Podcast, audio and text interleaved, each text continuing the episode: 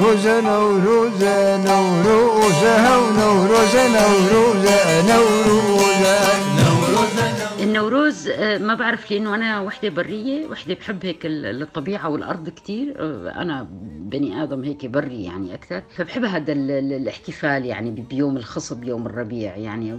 هذه مهوى الشيخي ناشطة نسوية كردية تحكي لنا عن النوروز. وطبعا هو كله خصوصية ككردية إنه هيك عاملينه عيد وطني.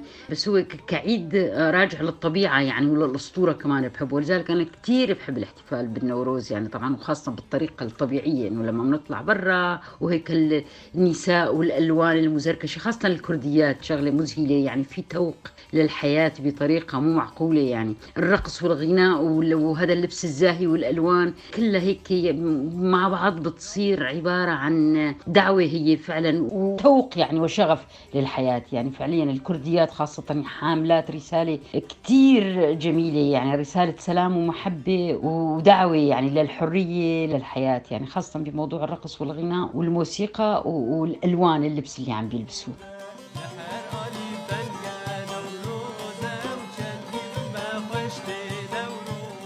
العروس فعلا آه، لها يعني معنى أشمل وأعمق من أنه يكون بس عيد قومي للكرد فهو عيد للحرية يعني. وهذه فرحة خليل مترجمة ومرشدة اجتماعية وناشطة في مجال حقوق المرأة.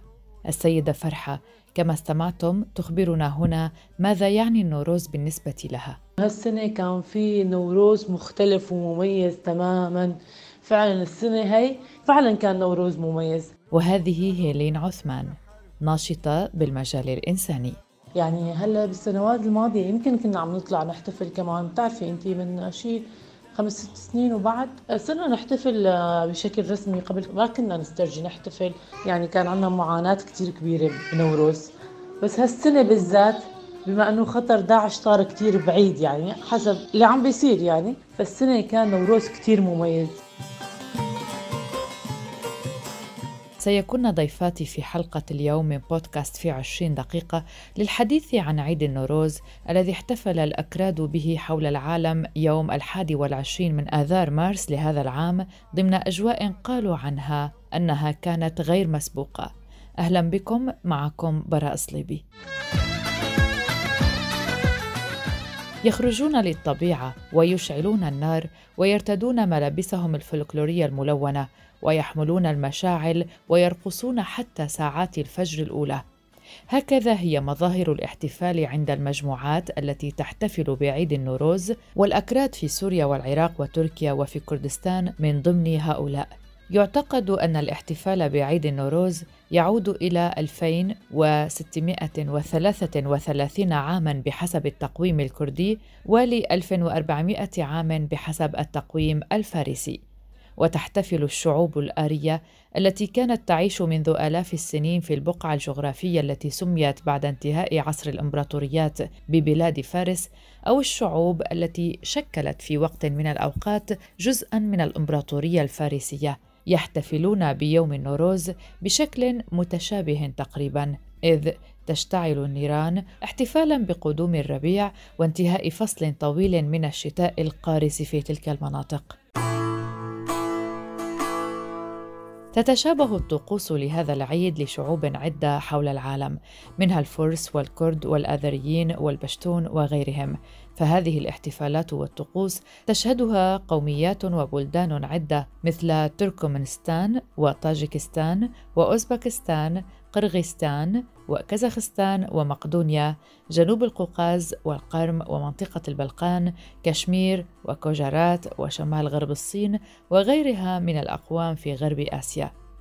سنبدأ مع عبد العزيز رمضان أحد المحتفلين بهذه المناسبة وماذا سيخبرنا؟ عيد نوروز هو عيد قومي وتاريخي بالنسبة للكرد فهو رمز الحرية بدءا بقصة كاوى الحداد الذي قام بمحاربة الملك الظالم وإحلال الحرية على شعبه. لذلك نحن الكرد نحتفل بعشرين آذار بليلة عيد نوروز حيث نأتي إلى قمة هذا الجبل جبل آجري ونشعل النار كإشارة إلى الحرية والخلاص من الظلم والاستعباد. هيلين عثمان ستحكي لنا عن احتفالات هذه السنة وعن مشاهداتها وانطباعاتها كونها عاشتها وستنقلها لنا بتفاصيلها. بالسنوات الماضية كان في احتفالات بعيد نوروز.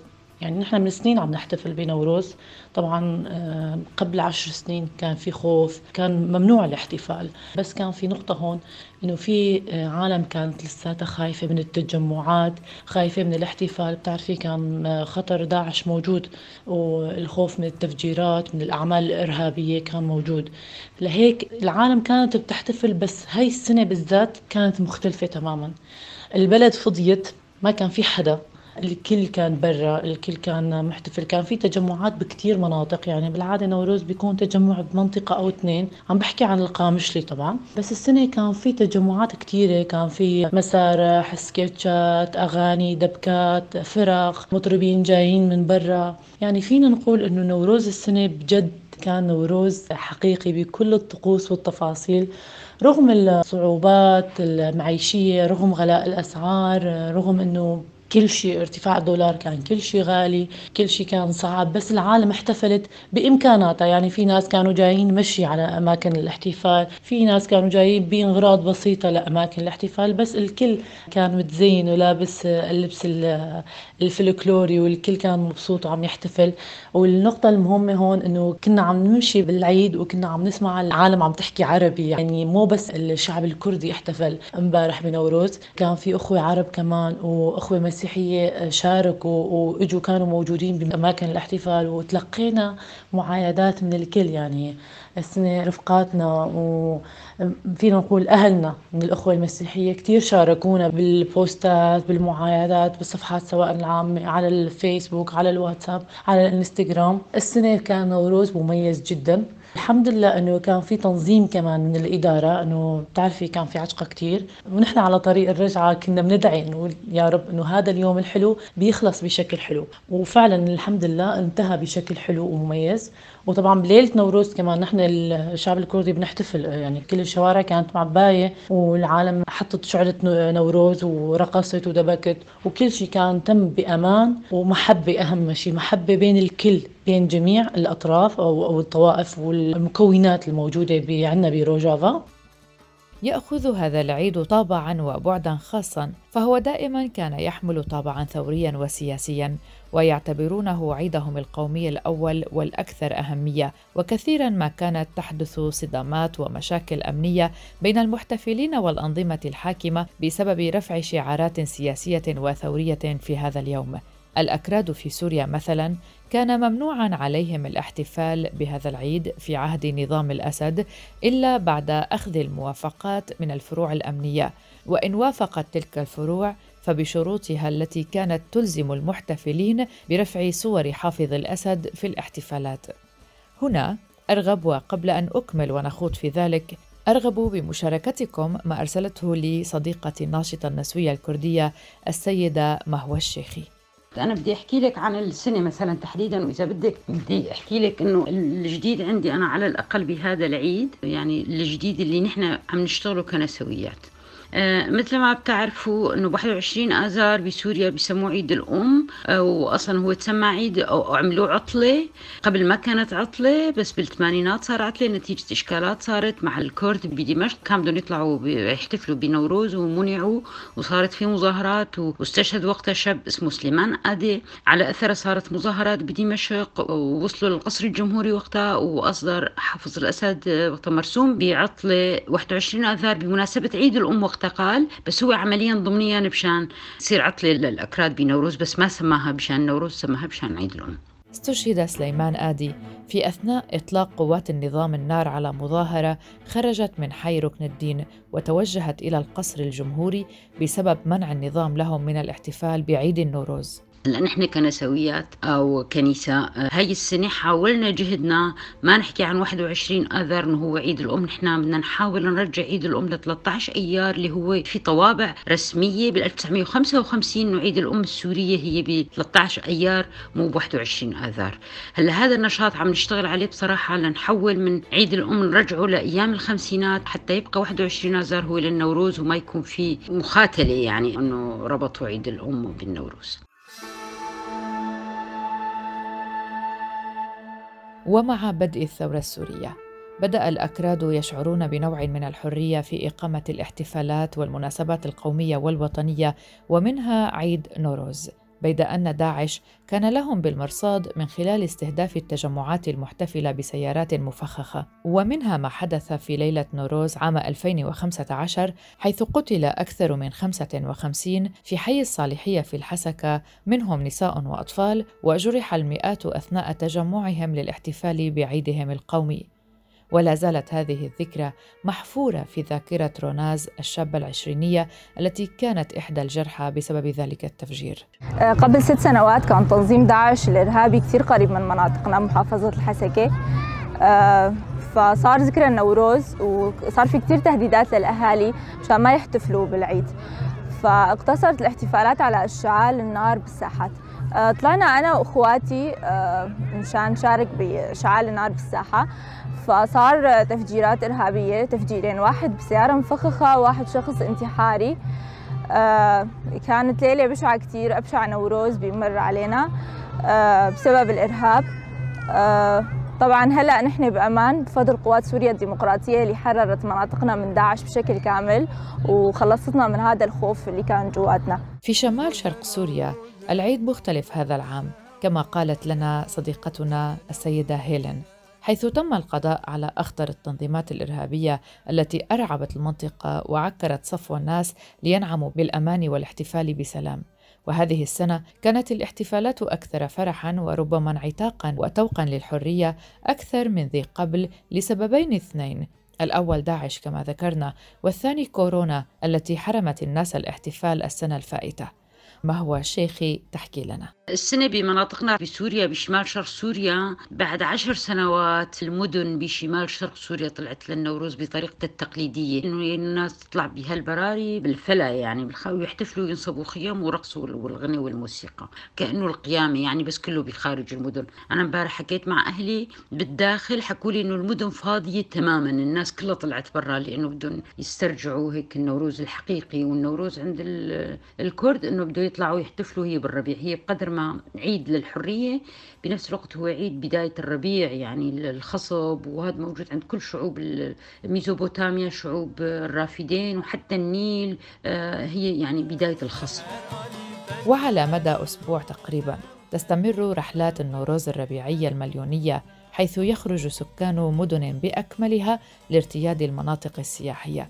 وفي هذا العام لم تتأثر أشكال الاحتفالات نوعا ما بسبب تفشي فيروس كورونا لكن الاحتفالات في المدن والمناطق الكردية في إقليم كردستان العراق مضت قدما مع الأخذ في الاعتبار الإجراءات الوقائية اللازمة لمنع انتشار فيروس كورونا. وتجمع أكراد يحملون المشاعل على قمة جبل عقرة لكن بأعداد قليلة هذا العام مقارنة بالأعوام السابقة.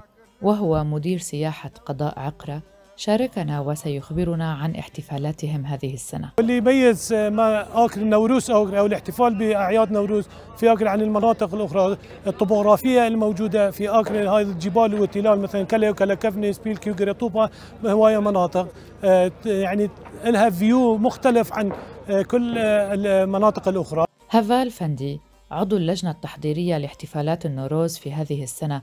أخبرنا كيف جهزوا للاحتفالات في ظل تفشي كورونا وما هي إجراءاتهم الاحترازية. فقط هناك ألعاب نارية. يقوم 1100 شاب بحمل الشعلات في أربعة اتجاهات على جبال عقرة في بيان اعتماد الاحتفال الدولي بهذا اليوم قالت الأمم المتحدة إن 300 مليون شخص يحتفلون بهذا العيد في مناطق مختلفة من العالم.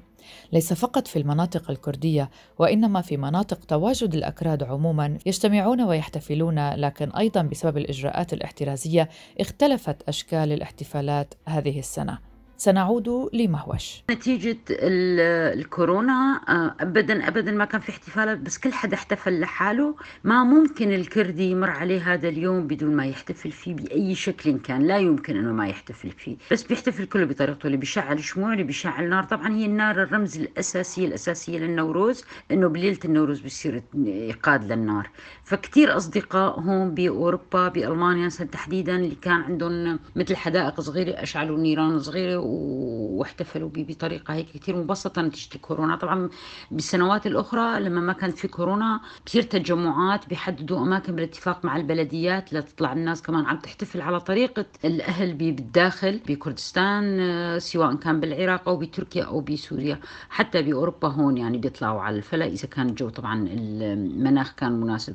السنة نتيجة الكورونا فكل حدا احتفل ببيته. أنا حتى من الناس اللي أنا احتفلت ببيتي يعني ما ما طلعت.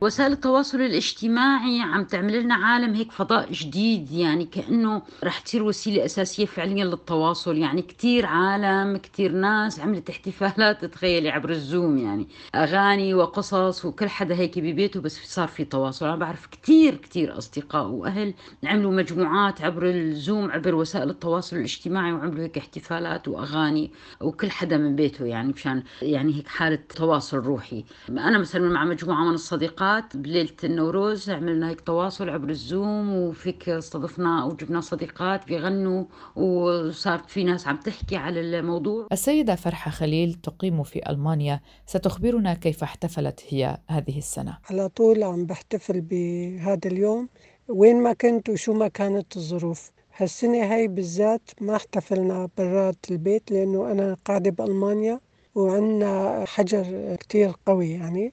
ما في ما بيصير أكتر من خمس أشخاص ومن عائلتين بس يجتمعوا. فحتى لو كنت طالعة مع أولادي كنا أكتر من خمسة أشخاص أولادي كبار وكنا من ثلاث أماكن سكن فكان ممنوع. لذلك يعني لازم نحترم القوانين وما عملنا ولا شيء يعني بس شعلت شموع بدل النار.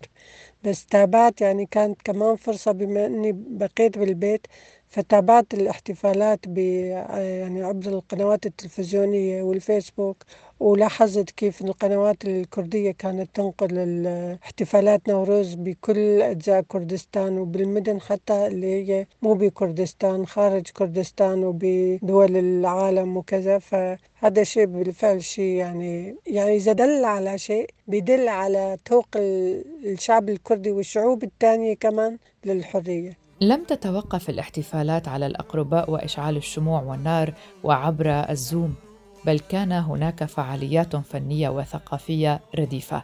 السيدة فرحة والسيدة مهوش ستحكيان لنا عن إحدى هذه الفعاليات في ألمانيا. في مجموعة من النساء فنانة كردية عراقية كانت آه، مجمع ست نساء من كل أجزاء كردستان. مجموعة نساء كرديات من عفرين كوباني قامشلي وحتى من كردستان العراق. أصلا هي الفنانة اللي بديت بالموضوع هي من كردستان العراق اسمها فين الزندي. عملت فكرة فنية كتير مبدعة وجميلة يعني جابت مجموعة نساء لابسين هذا اللباس الكردي. وعاملين لوحة آه، بوسط كولن. بالطبيعة وكانوا أخذين رخصة طبعا. آه، نساء لابسات الزي الكردي مغموس بالجبصين جبصنة أجسامهم كاملا بالجبصين بهذا الجبس الأبيض.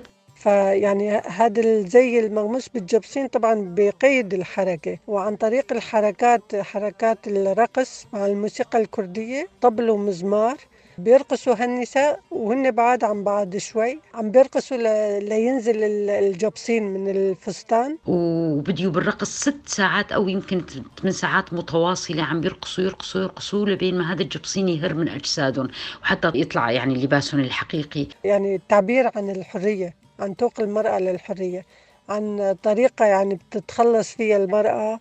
عن طريق الحركة والرقص من آه، الهموم اليومية والقيود اللي بتقيد حركة المرأة. هي دعوة أنه مثل ما بيقولوا مقاومة القهر والظلم بالفن وبالموسيقى وبالرقص وخاصة النساء. يعني هي دعوة لتحرر النساء. طبعا وهي الأوطان كمان معه والشعوب. يعني الفكرة كتير جميلة. طبعا هي جرت بكولن بإحدى ساحات كولن كتير رائع كان النشاط وكتير غريب وجديد.